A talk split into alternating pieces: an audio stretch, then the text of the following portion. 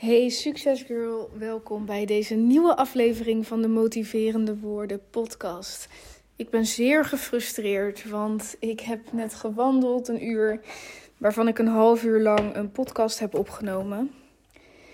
En toen dacht ik, ik luister even terug of mijn boodschap een beetje overkomt. En soms heb ik gewoon het gevoel van, oeh, komt het wel goed over, dus dan ga ik het zelf terugluisteren. En ik doe er eigenlijk verder nooit wat aan. Dan denk ik, nou, het is gewoon helder.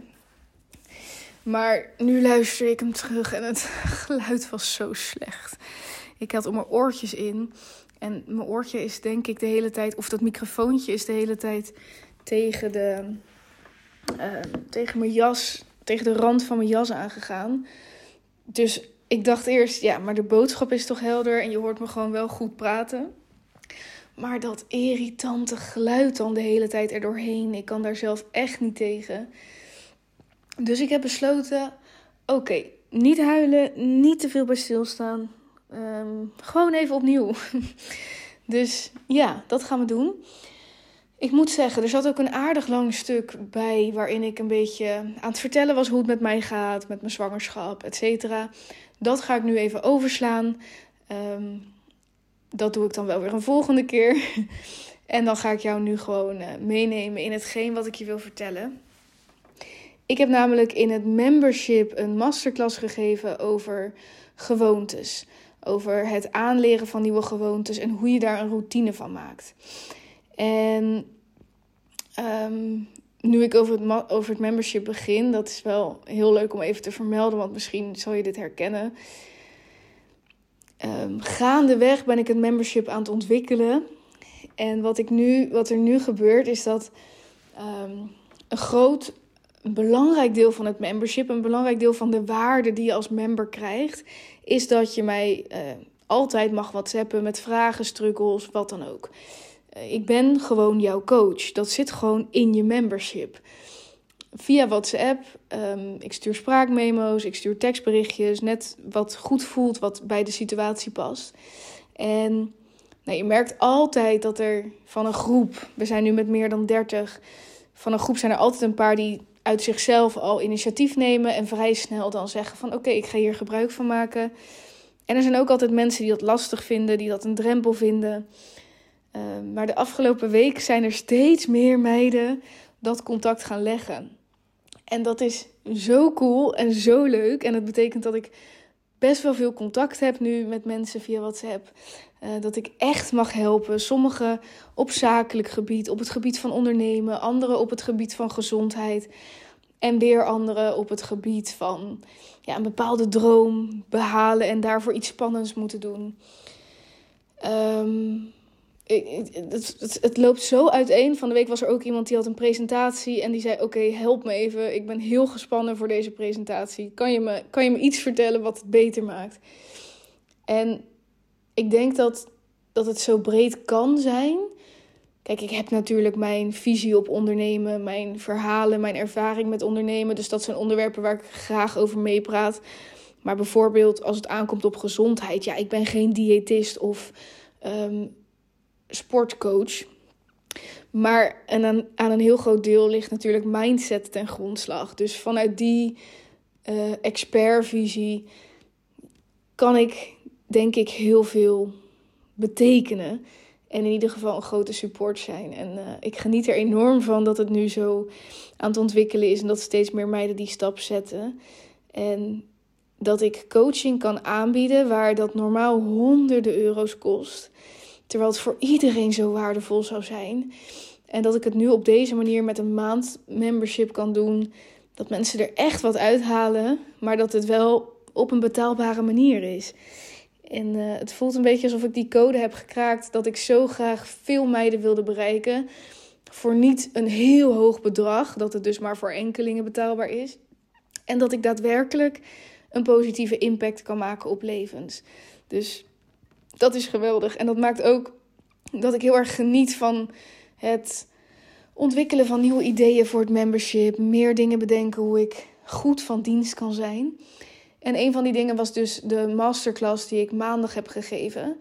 En die masterclass, ik kwam op het idee omdat ik het boek Atomic Habits Atomic Habits, Atomic Habits heb gelezen van James Clear.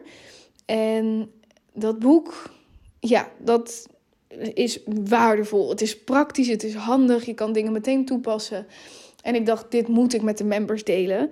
Alleen toen ik de masterclass aan het maken was, werd me wel duidelijk dat het te veel was om in één uur in één masterclass te stoppen. Ehm, zelf geloof ik altijd in, als je heel veel informatie tegelijk krijgt, is dat super interessant.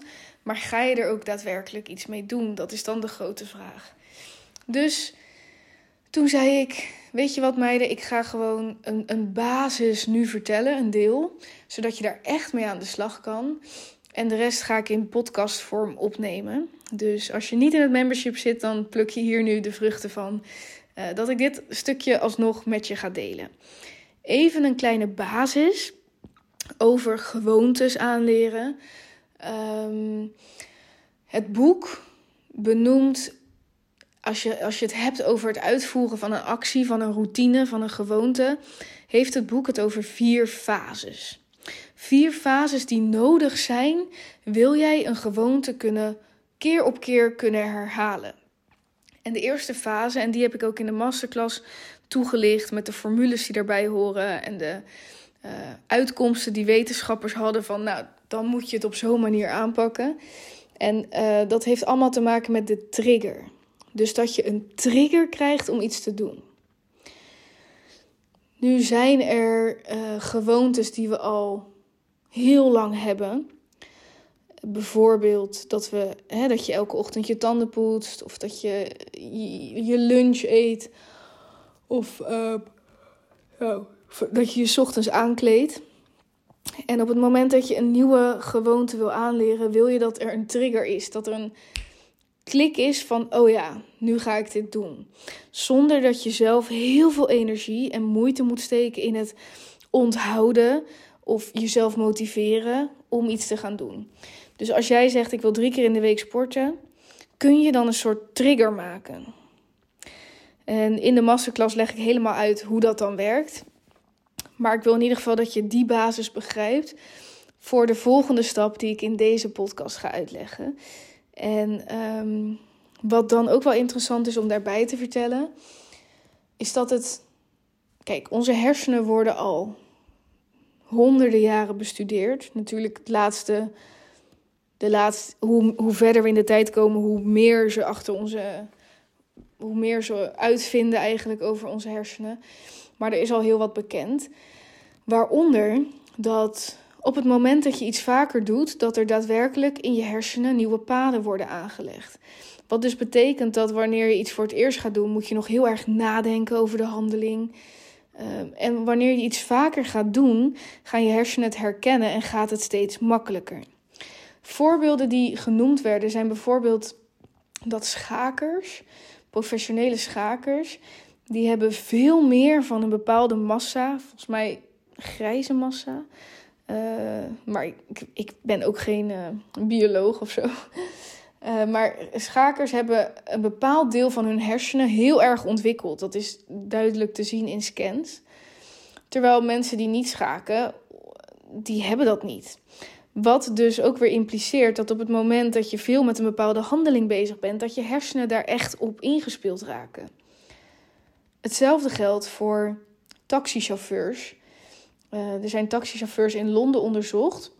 En er is dus gebleken dat hun hersenen het aandeel wat routes onthoudt, wat ruimtelijk inzicht onthoudt, uh, dat aandeel in hun hersenen is veel meer ontwikkeld dan bij andere mensen. Wat dus verklaart dat taxichauffeurs alle weggetjes weten zonder dat ze altijd maar de kaart, de maps aan moeten hebben. Dus laat het duidelijk zijn dat hoe vaker jij iets herhaalt, hoe makkelijker het wordt. Dat iets wat nu heel zwaar voelt, waar je veel moeite voor moet doen, uh, dat iemand tegen wie jij opkijkt omdat diegene dat gewoon in zijn standaard routine heeft. Het wordt makkelijker. Voor diegene is het veel makkelijker dan voor jou nu. En het doel is om het voor jezelf ook makkelijker te maken. En nou, als je dus begrijpt van oké, ik heb een trigger nodig. Um, dan kan, je, dan kan je door naar fase 2. Want er is meer nodig dan alleen die trigger. Want als ik de trigger zie. Uh, even denken. Wat is een, een trigger? Bijvoorbeeld, wat ik nu heb geleerd, is dat ik dus mijn uh, kleding altijd ochtends al klaarleg. Want op het moment dat mijn kleding klaar ligt, dan voorkomt dat dat ik in bed blijf liggen en heel erg ga nadenken: wat moet ik aan? En daar kan ik dan echt een ding van maken. En dat is dan een reden om te snoezen. Terwijl als mijn kleding klaar ligt, uh, dan is dat, dan, dat is een soort trigger. Als ik uit bed ben, ik zie die kleren, ik trek ze aan. Ik blijf niet lang, onnodig lang in mijn uh, pyjama lopen.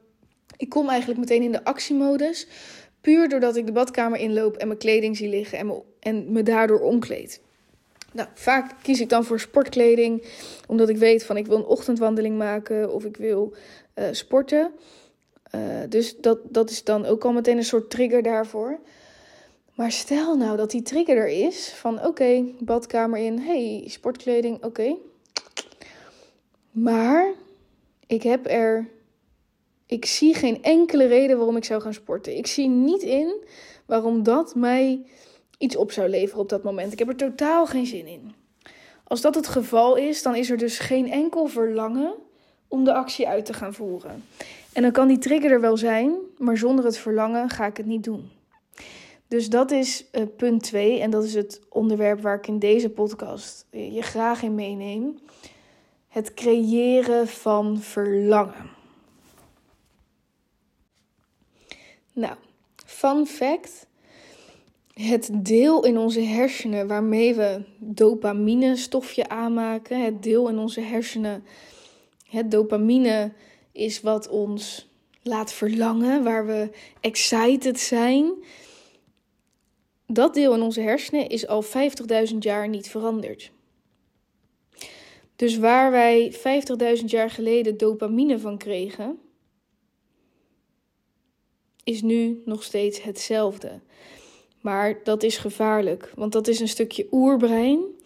Wat betekent dat toen wij 50.000 jaar geleden, als we vet of zout of zoet eten zagen, betekende dat simpelweg heel veel calorieën.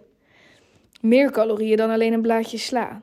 Dus we zouden altijd achter dat vet, zoet en zout aangaan. Waarom? Omdat dat betekende langer overleven. Maar ons brein is niet veranderd. Dus zoet, vet en zout zijn nog steeds heel aantrekkelijk voor ons. Sterker nog, de wereld draait natuurlijk voor een heel groot deel om geld. En wat bedrijven hebben bedacht om zoveel mogelijk geld te verdienen, is om die dingen waar ons oerbrein van aangaat, om die zo aantrekkelijk mogelijk te maken. Wat betekent dat waar we vroeger aangingen van een stuk vlees, hè, bij wijze van spreken een beer in een bos waar we op moesten jagen. En dan wisten we van dit levert ons goede overleving op. Nu zeggen ze: oké, mensen houden van vet.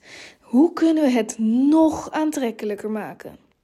Dus waar vroeger gewoon een stuk puur vlees volstond, hebben ze nu natuurlijk ontwikkeld om ons helemaal gek te maken.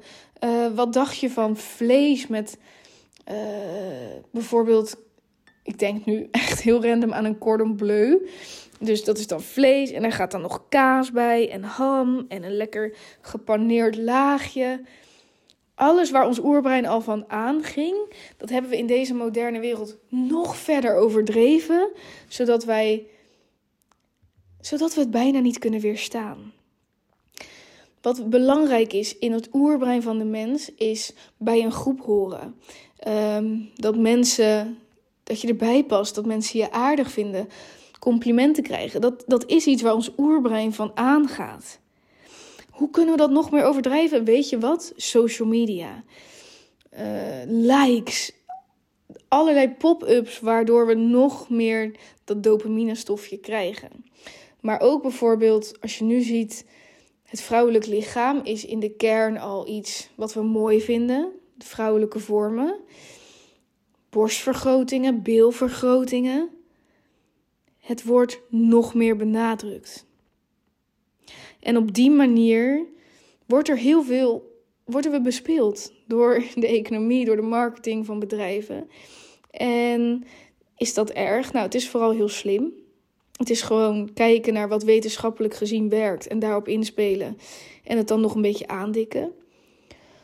Maar het wordt een probleem voor jezelf als je je dus wel kan laten bespelen door de marketing, door alles wat er in de wereld speelt, maar niet voor je eigen goede gewoontes.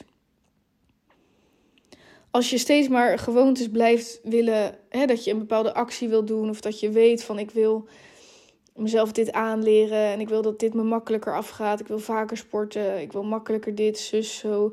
Al, al zijn het maar twee glazen water die je ochtends wil drinken omdat je meer water wil drinken of je supplementen innemen. Op de een of andere manier vinden we het zo lastig om zoiets echt te integreren in ons leven. En daarom wil je dit weten. Dat we wel worden bespeeld, omdat er feiten zijn vanuit de wetenschap over hoe onze hersenen werken. Nou, wat wel interessant is, is dat er een onderzoek is gedaan onder ratten. En dan zijn er elektroden op hun, op hun hersenen geplakt. En die elektroden die blokkeerden het stofje dopamine. Dus wat gebeurde er? De muizen kregen een bepaalde trigger. Bijvoorbeeld dat ze hoorden dat hun etensbakjes gevuld werden. Dus dat is een trigger. Een trigger waarop ze normaal zouden reageren. Dan komt er een verlangen omhoog. Hmm, yummy, eten. En dan willen ze dat eten gaan eten. Doordat die uh, dopaminestofjes zijn geblokkeerd in dat onderzoek, zagen ze dat muizen de trigger kregen, maar geen enkele actie ondernamen om te gaan eten. Waarom? Omdat er geen verlangen omhoog kwam. Omdat ze geen enkele reden zagen waarom dat eten dan goed was om te doen. Dus de trigger kan er wel zijn, maar het verlangen moet er ook zijn. En vervolgens hebben ze geprobeerd. wat nou als we in plaats van dat we die dopamine blokkeren bij die muizen, dat we zorgen dat het nog drie, vier, vijf keer zo veel wordt. Dus er werd extra veel dopamine vrijgegeven. Die muizen gingen als een gek tekeer. Die, die bleven maar eten. Letterlijk uitslagen uit een onderzoek. Dus besef even, uh, je wil jezelf een nieuwe gewoonte aanleren. Je weet ook dat op den duur zo'n gewoonte makkelijker wordt, dat je hersenen het als vanzelf gaan uitvoeren dan wil je natuurlijk ook gebruik maken van deze kennis, van deze feiten. Want in het begin, wanneer het nog moeilijk is om de gewoonte te herhalen, wanneer dat nog veel energie kost. Ik wil drie keer in de week naar de sportschool. Nou, dat kost energie, want je doet het normaal nooit. En je blijft liever in je comfortzone. En je moet heel proactief ermee aan de slag. Ik wil, uh, nou, noem whatever je wil. Mediteren, uh, aan je onderneming werken, noem maar op dan wil je gebruik maken van de kennis die je hebt over het hebben van een trigger, wat ik in de masterclass uitleg, en het hebben, het bouwen van verlangen. Voordat ik daar de formule, de uitleg die de wetenschappers hier aan geven, voordat ik dat toelicht, um, wil ik ook even dat je dit beseft. Heel vaak als het gaat om gewoontes aanleren, er zijn ook, ik denk bijna iedereen wel eens dat heeft gelezen, dat er wordt gezegd: een nieuwe gewoonte aanleren kost 21 dagen. Of een nieuwe gewoonte aanleren kost 30 dagen. Daar zijn dan onderzoeken naar gedaan. En wat blijkt, als je nou 30 dagen iets doet, dan worden die hersenen al meer geprogrammeerd om dat automatisch te gaan doen. De vraag die je zelf eigenlijk wil stellen, is niet hoe lang moet ik dit volhouden voordat het een gewoonte wordt. De vraag die je wil stellen is: hoe vaak moet ik iets uitvoeren? Want het gaat om hoe vaker je het doet, hoe makkelijker het voor je hersenen wordt. Dus focus niet zozeer op 30 dagen dit volhouden. Focus gewoon op de herhaling, de herhaling, de herhaling. En besef je goed dat elke herhaling, elke keer dat je het doet, elke keer dat je die afspraak met jezelf nakomt, leg je weer een extra weggetje aan in je hersenen die het een volgende keer makkelijker maakt. En ik heb ook wel eens gelezen dat de eerste week of zo is een nieuwe gewoonte aanleren makkelijk, want dan ben je nog heel erg gemotiveerd. En dan komt er een soort dip waarin het veel moeilijker is. Uh, want dan is het echt puur op wilskracht. Want de paden zijn nog niet sterk genoeg in je hersenen. Dus het is nog geen automatisme geworden. Je hersenen zijn het nog aan het leren. Maar de echte motivatie is ook al een beetje weg. Je ziet nog niet helemaal het resultaat ervan. Want hè, je bent pas kort bezig. Dat is moeilijk. En daar wil je doorgaan. Want je wil beseffen dat je vaker moet herhalen. En dat het dan echt makkelijker wordt. Um, Even terug naar die trigger, want daar moet ik iets over uitleggen voordat ik de formule voor het verlangen kan, uh, kan delen met je.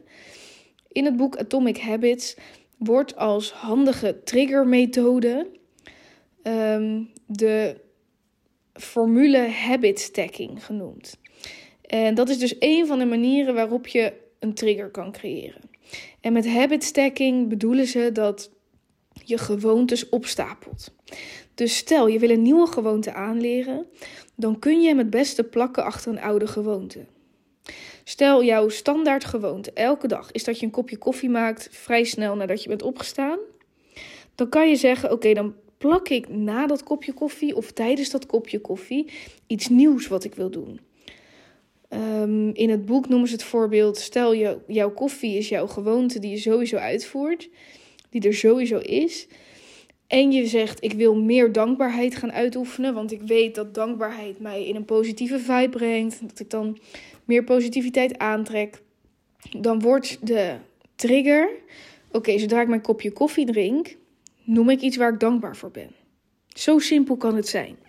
En op het moment dat je hersenen denken, ja, nu ga ik het wel begrijpen, kopje koffie betekent dankbaarheid. Dan heb je gewoon een keiharde trigger. Nou, als je daar verlangen aan vast wil koppelen, dan zeggen ze, dan wil je dus de habit die je sowieso doet, de kop koffie, combineren met de habit die je jezelf wil aanleren, dankbaar zijn. En vervolgens wil je jezelf belonen. Ehm, in het boek noemen ze dat als jij het lekker vindt om lekker het nieuws te kijken, uh, dat je dan dus zegt: Oké, na mijn ochtendkoffie zeg ik iets waar ik dankbaar voor ben. Of tijdens mijn ochtendkoffie zeg ik iets waar ik dankbaar voor ben. En nadat ik dat heb gedaan, ga ik het nieuws kijken. Oftewel, je koppelt die dankbaarheid, die gewoonte die je wil leren, aan iets waar je blij van wordt.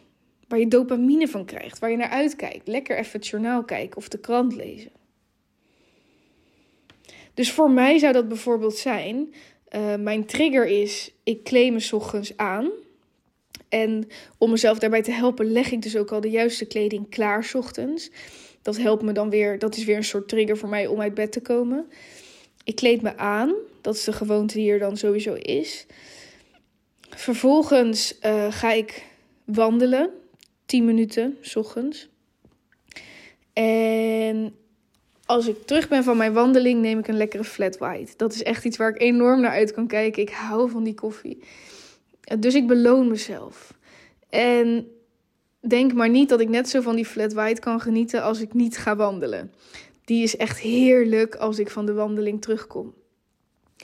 Dus op die manier ga je je hersenen laten zien van die handeling, die gewoonte, hangt samen met een heel fijn gevoel.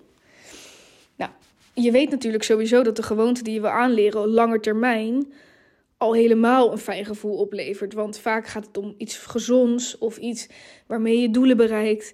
Dus je weet dat het lange termijn waardevol is. Alleen het is vaak lastig omdat je het korte termijn nog niet ziet. Maar koppel er een verlangen aan. Ik ga even kijken, want ik had een screenshot gemaakt omdat ze nog meer voorbeelden noemden. En dat is misschien handig. Oh ja, ze zeggen hier: stel dat je sport wil kijken dus dat is het, iets waar je naar uitkijkt, waar je verlangen van krijgt. Maar de nieuwe gewoonte die je zelf wil aanleren is dat je elke dag drie sales calls maakt. Nou, drie sales calls, daar kan je heel erg tegen opzien. Dat kan heel spannend zijn. Misschien moet diegene dat voor zijn werk doen of voor zijn eigen onderneming.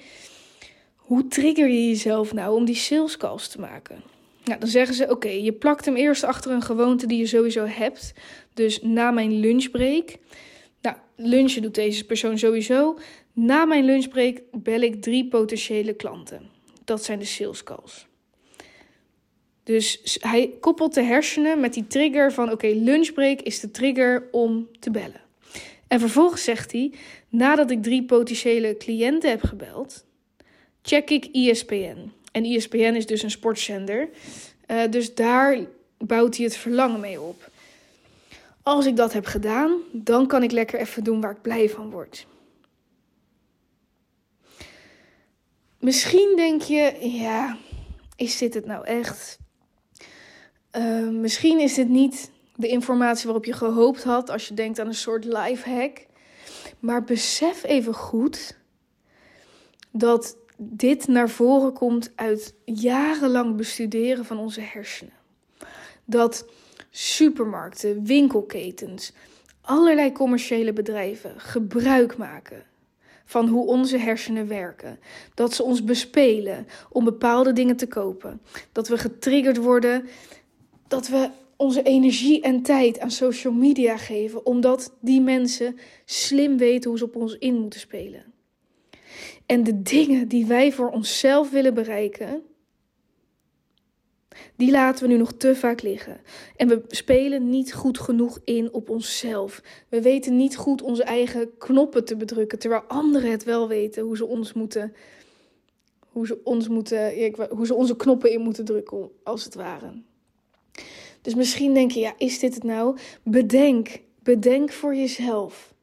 Wat is die gewoonte die ik altijd uitvoer en die, wat kan ik dus als trigger gebruiken? Uh, wat is vervolgens iets wat ik echt ertussen wil stoppen? Een nieuwe gewoonte die mij verder gaat helpen. En vervolgens bouw je er een soort verlangen achter uh, van dat maakt dat ik dopamine krijg, dat maakt dat ik het ook daadwerkelijk wil doen. Nou, een andere manier om gewoontes aan te leren door een bepaald verlangen te creëren, is door uh, een groep om je heen te hebben die dezelfde doelen heeft. Op het moment dat je uh, acties gaat ondernemen die niet bij jouw sociale kringen passen, dan is het verlangen minder groot. Want het levert je niet vanuit je oerbrein, uh, levert je niet de sociale acceptatie op.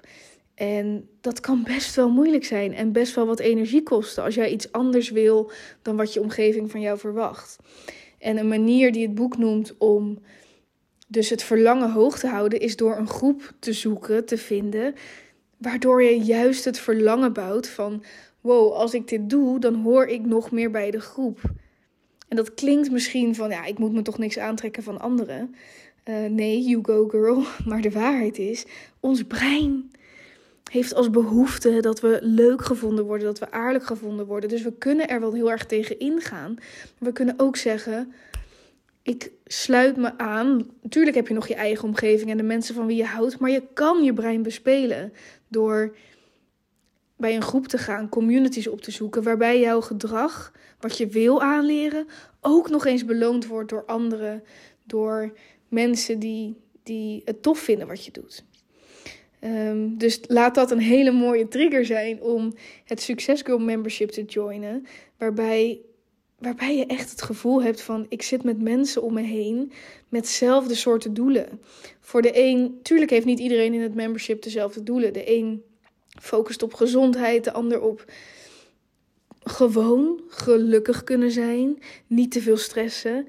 De ander wil heel graag een succesvolle onderneming en weer iemand anders uh, heeft iets, een, een, grote droom die, die hij of zij moeilijk vindt te bereiken, omdat er spannende stappen voor ondernomen moeten worden. Het kan alle kanten op. Um, maar laat dit ook zeker je uitnodiging zijn om het membership te joinen. Um, er zijn nog meer manieren en die ga ik ook in het, uh, in het membership delen.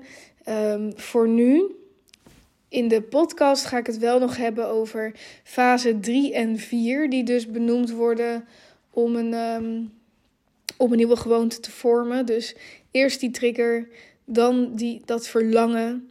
En dan, oké, gaat het om het uitvoeren van de actie. Hoe maak je dat zo makkelijk mogelijk? En tot slot de beloning die je daadwerkelijk krijgt. Uh, klinkt misschien nog wat vaag, ga ik toelichten in de volgende afleveringen. En voor nu wil ik, uh, wil ik hem afsluiten. Wil ik zeggen, nogmaals, je kunt nu instappen in het membership en dat kan voor de laatste keer tegen maar 3 euro. Dat is de proefmaand, dat het proefabonnement, kan je het helemaal ervaren voor 3 euro. Ehm, dat gaat eruit, dus dat is straks niet meer mogelijk. En ik zou zeggen, check het. Je wil het ervaren, je wil het voelen. Ehm, je kan dan ook gebruik maken van mijn coaching. En ik ben heel benieuwd naar jouw verhaal, naar jouw doelen en hoe ik jou daarin mag supporten. Voor nu, dankjewel voor het luisteren en ik wens je een ontzettend fijne dag. Doei doei!